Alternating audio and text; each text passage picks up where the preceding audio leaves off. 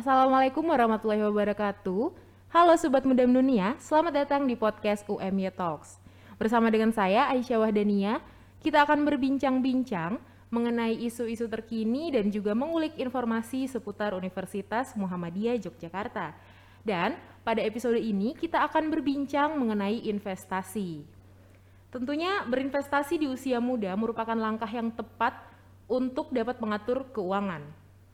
Namun, untuk usia yang masih terbilang muda, sobat muda dunia, pasti banyak sekali pertanyaan seputar investasi yang terlintas di benak kita.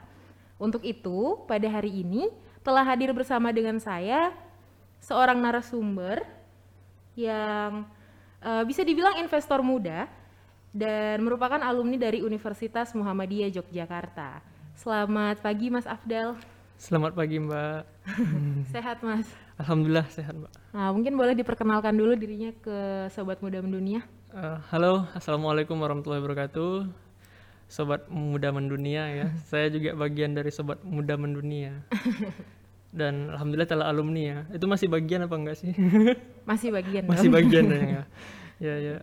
Jadi uh, saya mahasiswa 2016 manajemen dan sudah wisuda bulan September 2020 kemarin uh, alhamdulillah ya wisuda di kala pandemi. Iya, alhamdulillah. Alhamdulillahnya berjalan lancar ya, Mas. Ya. Iya. Uh, dan Mas Afdal ini kalau nggak salah dulu pernah menjadi ketua KSPM ya? Ya, benar uh, menjadi ketua KSPM UMY ya. Kalau belum tahu, KSPM itu kepanjangannya kelompok studi pasar modal yang ada di Fakultas Ekonomi dan Bisnis. Itu merupakan sebuah komunitas ya yang bergerak uh, memang sangat khusus di bidang pasar modal gitu. Mm-hmm. Dan di sana saya menjadi ketua tuh periode 2018 2019. Hmm, seperti itu. Nah, kita kembali ke topik investasi. Uh, kalau untuk Mas Afdal sendiri ini kan uh, bisa dibilang investor muda ya. Nah, hmm. itu mulai berinvestasinya sejak usia berapa atau mungkin semester berapa deh di kuliah? Ya, saya sangat bersyukur ya kemarin masuk UMY itu uh, karena memang dipertemukan di investasi khususnya hmm. di saham juga itu karena saya masuk di UMY gitu. Belum tentu kalau masuk di kampus lain belum tentu akan ketemu dengan lingkungan investasi seperti ini gitu. Hmm. Jadi di awal masuk itu semester satu ya.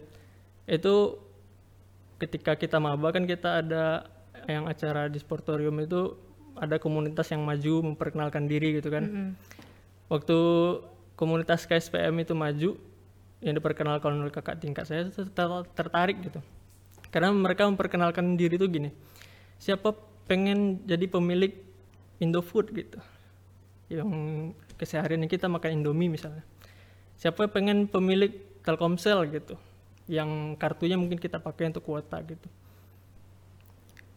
kita sebagai mahasiswa bisa memiliki perusahaan itu kayak begitu disampaikannya wah kok bisa ya gitu saya mikir mm -hmm. gitu dan ternyata oke okay, saya tertarik gitu akhirnya saya gabunglah dengan kelompok studi pasar modal UMY sejak semester 1 nah di sanalah mulai perkenalan dengan dunia investasi saham gitu. mm -hmm. jadi mereka membimbing waktu itu kakak tingkat kami membimbing memberikan uh, edukasi, melakukan pembukaan akun saham, kita diajarkan di sana bagaimana berinvestasi yang baik dan benar gitu. Jadi ya sudah dimulai dari semester 1 untuk belajarnya. Namun untuk memulai pertama kali transaksi, ketika saya pertama kali beli itu uh, mulai itu di semester 2 karena saya yakin sebelum kita melakukan aksi beli itu atau membeli sebuah perusahaan dengan uang kita, kita harus tahu dulu gitu uh, apa yang menyebabkan kita membeli ini gitu. Kita aja lihat barang di misalnya di Shopee gitu kan check outnya lama sekali ya. Harus oh ini ongkirnya berapa atau ini ada yang diskon enggak banyak gitu pertimbangan banyak ya. pertimbangan gitu.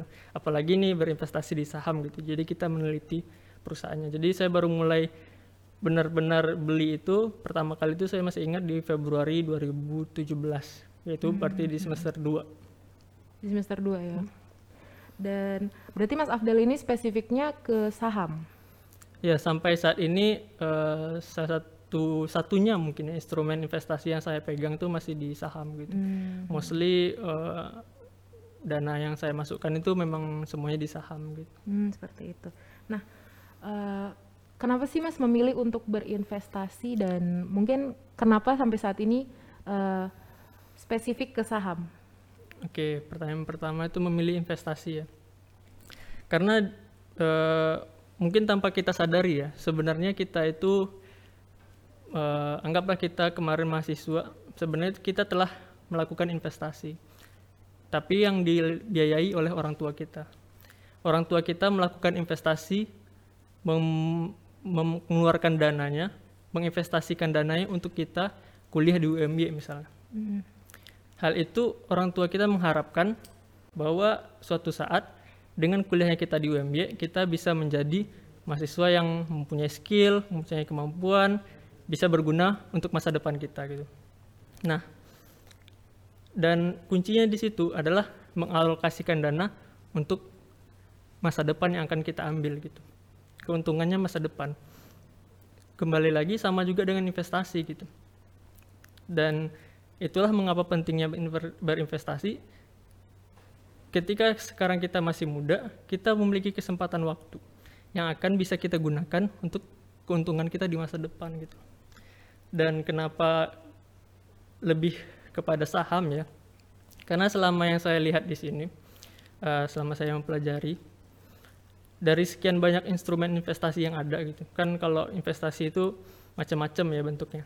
Ada investasi bidang properti, ada investasi bidang eh, tambang, misalnya emas gitu, berlian gitu. Itu juga merupakan investasi. Ada investasi orang di tanah gitu, itu juga investasi. Dan ada investasi di aset finansial. Nah, aset finansial ini terbagi atas banyak hal. Jadi aset finansial ini ada salah satunya yang paling ngetrend dia saham. Saham, ada lagi obligasi, ada lagi namanya reksadana, ada lagi namanya sukuk nanti gitu. Nah, dari sekian banyak instrumen itu yang saya yakini ya sampai saat ini bisa memberikan eh, imbal hasil atau keuntungan yang lebih tinggi. Itu di saham gitu bila dibandingkan dengan eh, beberapa instrumen lainnya. Karena di saham itu ibaratnya seperti saya sampaikan di awal tadi kita memang benar-benar bisa melihat kenyataannya bahwa kita membeli perusahaan yang bisa kita lihat gitu loh. Kita misalnya memakai eh, seperti tadi kita memakai kuota pakai kartu Telkomsel misalnya. Ya kita bisa lihat di sini banyak eh, cabangnya Telkomsel ada Grapari ada segala macam gitu kan. Dan kita memang memakai produknya gitu. Dan apa salahnya kita juga menjadi pemilik sahamnya gitu. Dan kita juga tahu track recordnya dari sekian tahun gitu loh. Ini cuman contoh aja tidak bisa digunakan untuk eh, apa namanya kalau teman-teman yang akan membeli jangan digunakan untuk membeli berdasarkan ini hanya sebagai contoh. Dan juga seperti eh, produk harian yang kita pakai gitu. Mulai dari kita bangun tidur sampai kita tidur lagi. Misalnya kita bangun tidur misalnya ke kamar mandi. Di kamar mandi itu banyak sekali produk-produk yang kita pakai. Misalnya odol sikat gigi sampo sabun segala macamnya itu ada satu perusahaan yang memproduksinya gitu loh. Dan perusahaan itu kita bisa jadi pemiliknya juga gitu. Kita tidak hanya membelinya di eh, minimarket lalu kita pakai habis begitu saja. Kita juga bisa mendapatkan hasil keuntungan dari hasil kita membeli produk tersebut. Dengan apa? Ketika kita beli sahamnya kita bisa mendapatkan keuntungan yang namanya dividen. Dividen itu adalah bagi hasil. Ketika nanti perusahaan mendapatkan keuntungan dan di akhir di ketika rapat tahunan mereka akan bagi hasil jadi kalau kita pegang sahamnya kita beli sahamnya kita juga akan mendapatkan Mendapatkan hasilnya. hak tersebut gitu loh, Oh, berarti tersebut. eh, bukan cuma pakai produknya ya, tapi dapat keuntungan juga. ya benar sekali Hmm, Nah, lalu untuk memulai berinvestasi saham, Nah, kita spesifik ke saham aja ya, Mas. Untuk eh, sobat muda mendunia yang mungkin mau memulai berinvestasi saham, apa aja sih, Mas, yang perlu diperhatikan untuk memulai investasi eh, ketika para calon investor ini tidak mempunyai modal yang besar? Oke, eh, saya ini dulu ya pertanyaannya saya belah-belah dulu. Hmm. Jadi ini memulai berinvestasi. Eh, perlu kita ketahui bahwa untuk memulai berinvestasi itu kita harus punya tujuan. Jadi tujuan kita yang kenapa kita berinvestasi kita harus sadari dulu tujuannya apa gitu. Apakah kita mau kan tujuannya oke okay, kebebasan finansial di masa depan gitu. Tapi hal itu ketika kita sudah memulai tidaklah cukup hanya sekedar sebegitu saja gitu. Kita harus membuat spesifik. Misalnya kita akan e, berinvestasi dengan tujuan dana pensiun dana pensiun yang mungkin akan datang sekitar 40 tahun lagi ketika pensiun misalnya. Mm-hmm. Dan itu akan menjadi tujuan kita. Jadi misalnya di umur 50 sudah mau pensiun, 50 sampai 60 kan kita hidup misalnya. Uh, di usia tersebut kita sudah pengen leha-leha, tidak ingin bekerja yang dari pagi sampai sore bahkan sampai malam lagi gitu loh.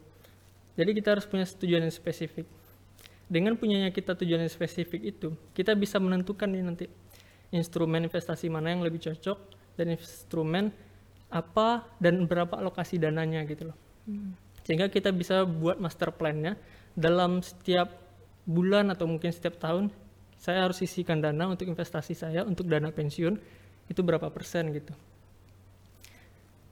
Lalu pertanyaan yang selanjutnya modal besar. Uh, saya dulu memulai investasi saya itu modalnya tidak besar membuka akun itu sekarang modal itu cuma 100 ribu sudah bisa ya sudah bisa buka akun saham ya oh. itu 100 ribu di banyak sekuritas sekarang sudah bisa jadi modal yang besar itu bukanlah sebuah halangan gitu loh yang utama yang menjadi perlu catatan adalah modal untuk menginvestasikan ilmunya. Ilmu maksudnya kita harus berinvestasi dulu dari leher ke atas. Artinya kita harus melakukan investasi untuk diri kita. Kita harus belajar dulu gitu loh. Hmm. Harus cari tahu dulu saham itu sebenarnya bagaimana gitu loh. Transaksi saham yang akan kita lakukan itu mekanismenya bagaimana gitu.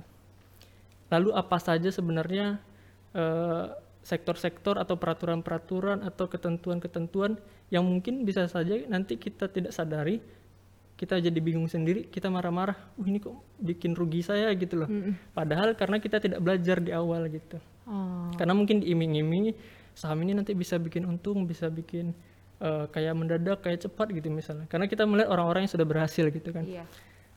tapi kita tidak tahu bahwa mereka sebenarnya mempelajari itu semua dulu gitu. Karena saham ini bukan sesuatu hal yang tidak bisa dipelajari gitu.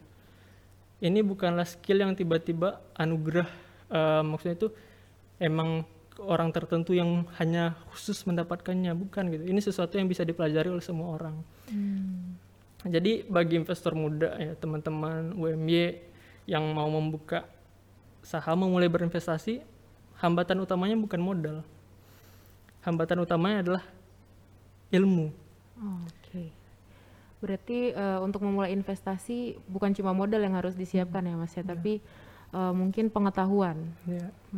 Nah, lalu untuk uh, berinvestasi tadi ketika uh, sobat muda mendunia mungkin sudah mulai berinvestasi di saham. Hmm. Nah, itu ada nggak Mas tips untuk memilih uh, saham apa sih yang harus dibeli?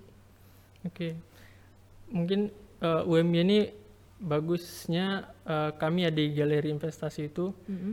uh, alhamdulillah ke sampai periode sekarang tuh galeri UM itu termasuk yang terbaik di seluruh Indonesia ya, di bursa efek Indonesia dikarenakan uh, pertumbuhan investor kita tuh uh, sangat banyak mm. karena di program studi manajemen itu ad- ada uh, mata kuliah manajemen investasi ya jadi untuk belajar investasi itu di UMY ini alhamdulillah lingkungannya sudah terbentuk gitu loh. Mm. Khususnya di prodi manajemen. Nah, kalau misalnya teman-teman yang lain akan ikut belajar juga itu juga bisa ke galeri investasi itu. Nah, maksud saya tips dan triknya itu bisa dipelajari. Namun secara umum uh, ketika sudah memulai berinvestasi di saham, yang hal yang paling utama diperhatikan itu adalah kita paham dengan bisnisnya. Itu yang pertama. Kita paham dengan bisnis, ini perusahaannya apa sih gitu loh. Oh iya, seperti kayak eh, ketika ingin membeli su- suatu perusahaan minimal tahu dulu produknya apa ya? Ya benar. Hmm, Kita tahu dulu produknya apa, dia ini scope marketnya sebesar apa misalnya. Contoh kalau kita katakan eh, produk kembali lagi kayak tadi Telkomsel, kita tahu nggak sih Telkomsel se- sejauh mana gitu loh produknya gitu loh. Kita bisa melihat eh, jangkauan jaringannya atau apanya segala macam. Kita paham bisnisnya. Tidak hanya itu kita juga harus paham bisnis dia ini ada saingannya nggak gitu loh. Kalau dia punya saingan, apakah Telkomselnya memang lebih baik dari saingannya? Katakanlah itu ada Tri gitu kan, ada Indosat gitu, ada XL. Apakah Telkomsel memang lebih baik dari saingannya yang tadi dalam bisnis telekomunikasi gitu? Oke, berarti Ada Friend juga kan? Ah, ah, berarti harus di eh, di riset ya, Mas Di kalau bisa riset. dibilang. Hmm. Itu yang pertama tentang bisnisnya. Kita harus paham whole bisnisnya. Kita eh, nggak bisa mengatakan ketika kita sudah masuk eh, kita hanya ingin melihat oh nih produknya dekat sama saya, saya suka, saya beli.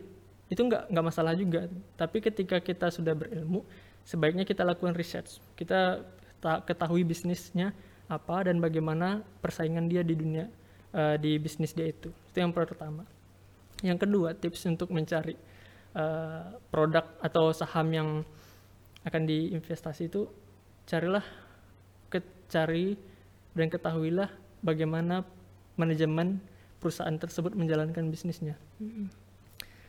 Karena hal ini menjadi penting kalau misalnya manajemen dia tersandung kasus korupsi misalnya. Katakanlah yang kemarin ada ikut-ikut salah satu perusahaan yang IPO, manajemennya tersandung korupsi yang di Jiwasraya gitu, di Asabri. Hal itu kan menjadi citra buruk bagi perusahaan gitu loh. Jadi hal itu akan mempengaruhi bahwa wah manajemen perusahaan ini nggak layak nih untuk dibeli gitu. Nah jadi kita harus melihat manajemen juga bagaimana karakteristik direkturnya, bagaimana track record dia selama perjalanan karir dia. Hal itu menjadi penting gitu. Kalau misalnya teman-teman nonton ini ya drakor series ini eh Itaewon Class, Itaewon. ada yang nonton? Mbak nonton nggak?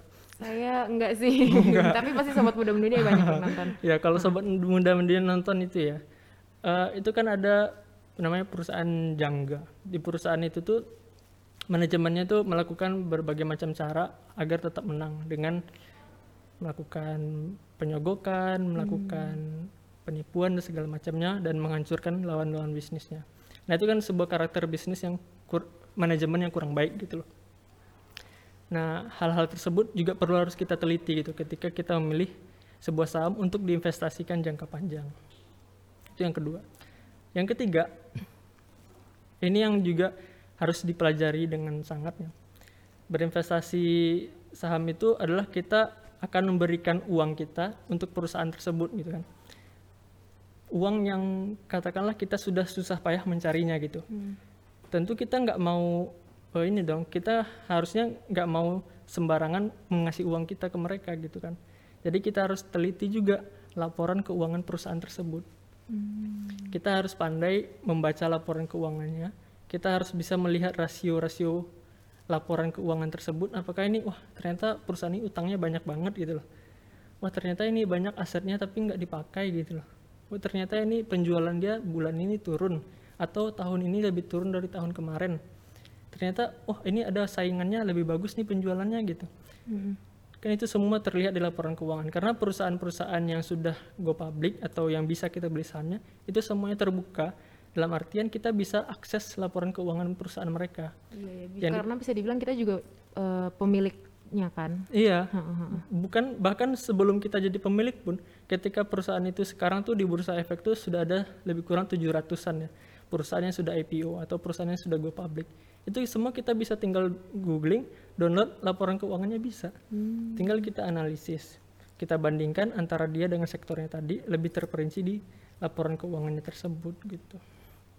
Berarti eh, banyak sekali ya pertimbangannya untuk memilih ya eh, lebih kurang itu minimal tiga itu sebagai ini ya apa sih namanya bekal awal. bekal awal Nah, kalau tadi eh, bicara tentang eh, tips untuk memilih saham yang tepat, kalau eh, kita sudah memilih, eh, misalnya sobat muda dunia sudah eh, membuka akun saham dan mulai berinvestasi. Nah, biasanya apa sih mas kesalahan-kesalahan yang dilakukan eh, dalam berinvestasi? Ya, kesalahan yang mungkin bukan kesalahan ya, tapi adalah mindset. Oh, mindset. Hmm, mindset yang biasa banyak orang-orang eh, inginkan ketika terjun saham itu adalah mereka pasti untung. Nah, ini sebuah mindset yang harus kita luruskan bahwa berinvestasi itu kita memiliki risiko gitu loh. Ada namanya risiko kerugian. Sama halnya dengan misalnya eh, kita melakukan eh, belanja gitu. Kita belanja online. Ada risiko bahwa barang itu bisa jadi bukan barang yang seperti kita harapkan gitu loh. Ada risiko di perjalanan dia misalnya Rusak. rusak gitu. Ada risiko setiap hal itu. Jadi kenapa kita muluk-muluk investasi di saham kalau karena kita melihat teman atau kita melihat influencer dia posting portofolionya untung terus lalu kita yakin kita juga untung bisa itu untung itu bisa tapi kita jangan ego bahwa lalu ketika nanti kita rugi kita marah-marah ke teman kita gitu loh. Hmm. ke teman yang mengajarkan padahal kesalahan itu ada bukan salah siapa-siapa gitu. Tapi kesalahan bisa jadi karena kita belum terlalu kuat belajar jadi kita belinya sembarangan. Timing untuk belinya kurang tepat saham yang kita beli kurang cocok itu semua bisa terjadi gitu. Dan di saham itu juga ada namanya market. Di market itu semua apa pun bisa terjadi. Seperti kemarin ad- lagi hype eh, ini Tesla mau investasi di Indonesia gitu. Investasi eh, pabrik baterai. Dia akan mengambil nikel Indonesia dan bekerja sama dengan Antam misalnya perusahaan Antam. Itu ketika itu perusahaan Antam naiknya gila-gilaan gitu loh. Naiknya bahkan saya juga eh, bisa mendapatkan keuntungan yang naik gila-gilaan juga ketika bulan Januari kemarin. Namun setelah itu fase saham itu ada naik dan ada turun. Setelah saham Antam itu naik dia tuh langsung turun lagi. Dikarenakan isu yang beredar bahwa Tesla akan investasi itu eh, diberitakan selanjutnya Tesla memilih India gitu. Oh. lalu udah semua orang pada berebut jualan harga sahamnya turun dan ada orang yang ketika dia beli di atas itu oh dia yakin bakalan naik lagi tapi ternyata besoknya turun karena isu yang diedarkan sudah berubah gitu loh. Dan dia uh, akan merasa wah ini kenapa saya rugi? gitu loh.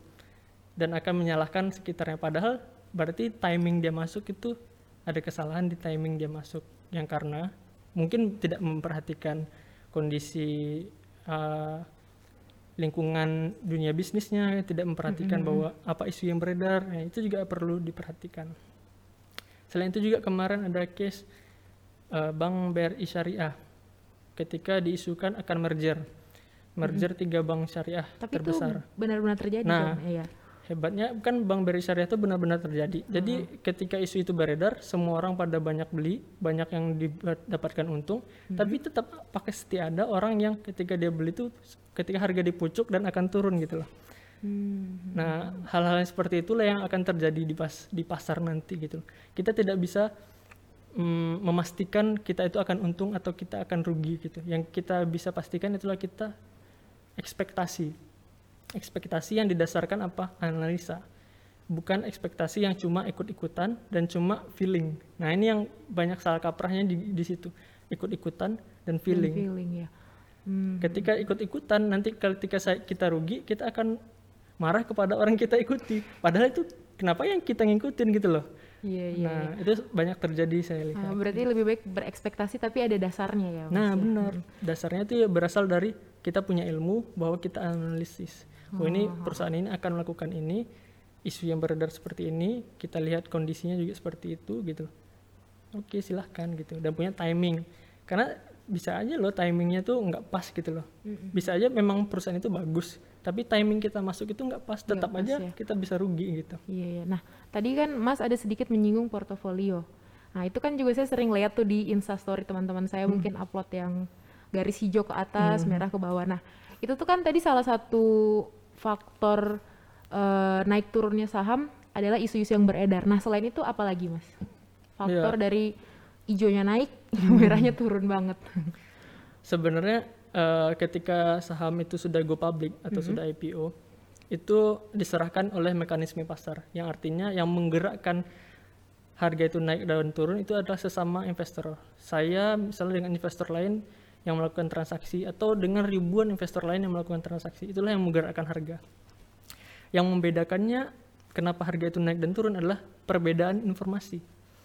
Perbedaan informasi itu bisa dikatakan bahwa ketika saya menyatakan wah ini perusahaan ini masih akan bagus dan akan terus naik. Informasi yang saya terima begitu. Akan tetapi pasti ada orang di luar sana yang menyatakan saya sudah misalnya dia sudah punya sudah punya sahamnya, saya sudah cukup gitu dan saya akan melakukan penjualan. Dia menjual. Maka saya membeli dan dia menjual. Ini kan perbedaan informasi padahal sahamnya sama gitu loh. Nah, itu yang membuat perusahaan itu naik turun karena ada eh, perbedaan informasi antara pelaku pasar, pelaku investor itu. Lalu yang kedua juga kalau kita belajar kan di investasi itu ada eh, minimal dua lah analisis cara menganalisa gitu. Ada fundamental analysis dan ada technical analysis. Nah, ketika berbicara fundamental analysis, ada orang yang sangat eh, ini dengan fundamental. Jadi ketika dia beli saham ini meskipun turun dia akan tetap beli karena dia yakin fundamental persen itu dalam jangka panjang akan bagus gitu. Karena dia punya tujuan bahwa saham uang yang saya belikan di saham ini baru akan saya pakai itu 10 tahun lagi gitu loh. Jadi turun pun sekarang karena saya yakin perusahaannya masih 10 tahun itu masih akan jalan, prospek dia 10 tahun lagi masih bagus, akan tetap di hold gitu. Jadi itu dia yakin di situ. Nah, juga ada yang technical analysis. Technical analysis inilah yang banyak sekali membuat eh, saham-saham yang tiap hari itu atraktif dan tidak atraktif. Maksudnya itu fluktuasinya tiap hari itu bisa bergerak sangat tinggi atau sangat rendah gitu atau malah langsung turun jeblok gitu.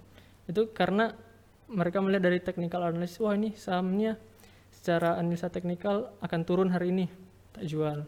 Atau dia akan naik hari ini, saya beli A gitu. Lalu ada orang juga yang melakukan penggiringan opini gitu. Misalnya eh, grup-grup di Telegram itu ada yang ayo kita beli saham ini rame-rame kita naikkan gitu. Ada yang ayo kita jual kita turunkan gitu. Itu tuh meskipun ya di keadaan sebenarnya kita nggak tahu realnya seperti apa, tapi bisa dilihat itu tuh ter- benar-benar terjadi kalau kita memperhatikan eh, dana-dana besar yang masuk gitu loh. Dana-dana besar yang kita bisa lihat dari eh, kode-kodenya ada kodenya yang bisa kita lihat di papan monitor itu gitu. Hmm, seperti itu. Nah, berarti Mas eh, untuk berinvestasi itu jangan takut ya. Yang penting mungkin kita eh, sudah melakukan riset, sudah belajar dan jangan berekspektasi tanpa dasar ya Mas ya. Kalau bisa disimpulkan. Ya sebenarnya itu tergantung pilihan kita ya. Heeh. Investasi atau bukan itu tergantung pilihan kita. Karena mungkin ada orang yang eh, dia lebih kuat di bisnis real gitu. Dia sebenarnya dia juga melakukan investasi. Investasi apa? Dia membeli sewa kedai misalnya. Dia membeli meja, dia beli makanan, dia beli jualan makanan, buka kafe gitu. Itu kan sebuah investasi juga, tapi dalam bentuk eh, bisnis real gitu loh. Nah, kalau kita berbicara di investasi di aset finansial, itu yang eh, yang kita katakan adalah passive income. Jadi kalau yang tadi bisnis real itu kan mereka harus tetap kerja tiap hari toh. Mereka harus melayani tamu misalnya tiap hari. Nah, bedanya kalau kita masuk di investasi aset finansial ini bukan kita lagi yang bekerja untuk mendapatkan uang, tapi uanglah yang akan bekerja untuk kita gitu loh. Jadi dengan uang itu dia bisa mengerjakan dirinya sendiri gitu istilahnya dan dia akan me- menambah sendiri gitu loh. Katakanlah misalnya kita ilustrasi ya. Eh, misalnya rata-rata eh, umur kita di dunia ini misalnya 60 tahun gitu. Dan sekarang kita eh, rata-rata mahasiswa paling umurnya sudah 20 tahun gitu kan. Berarti ada sisa lebih kurang 40 tahun lagi kehidupan kita gitu.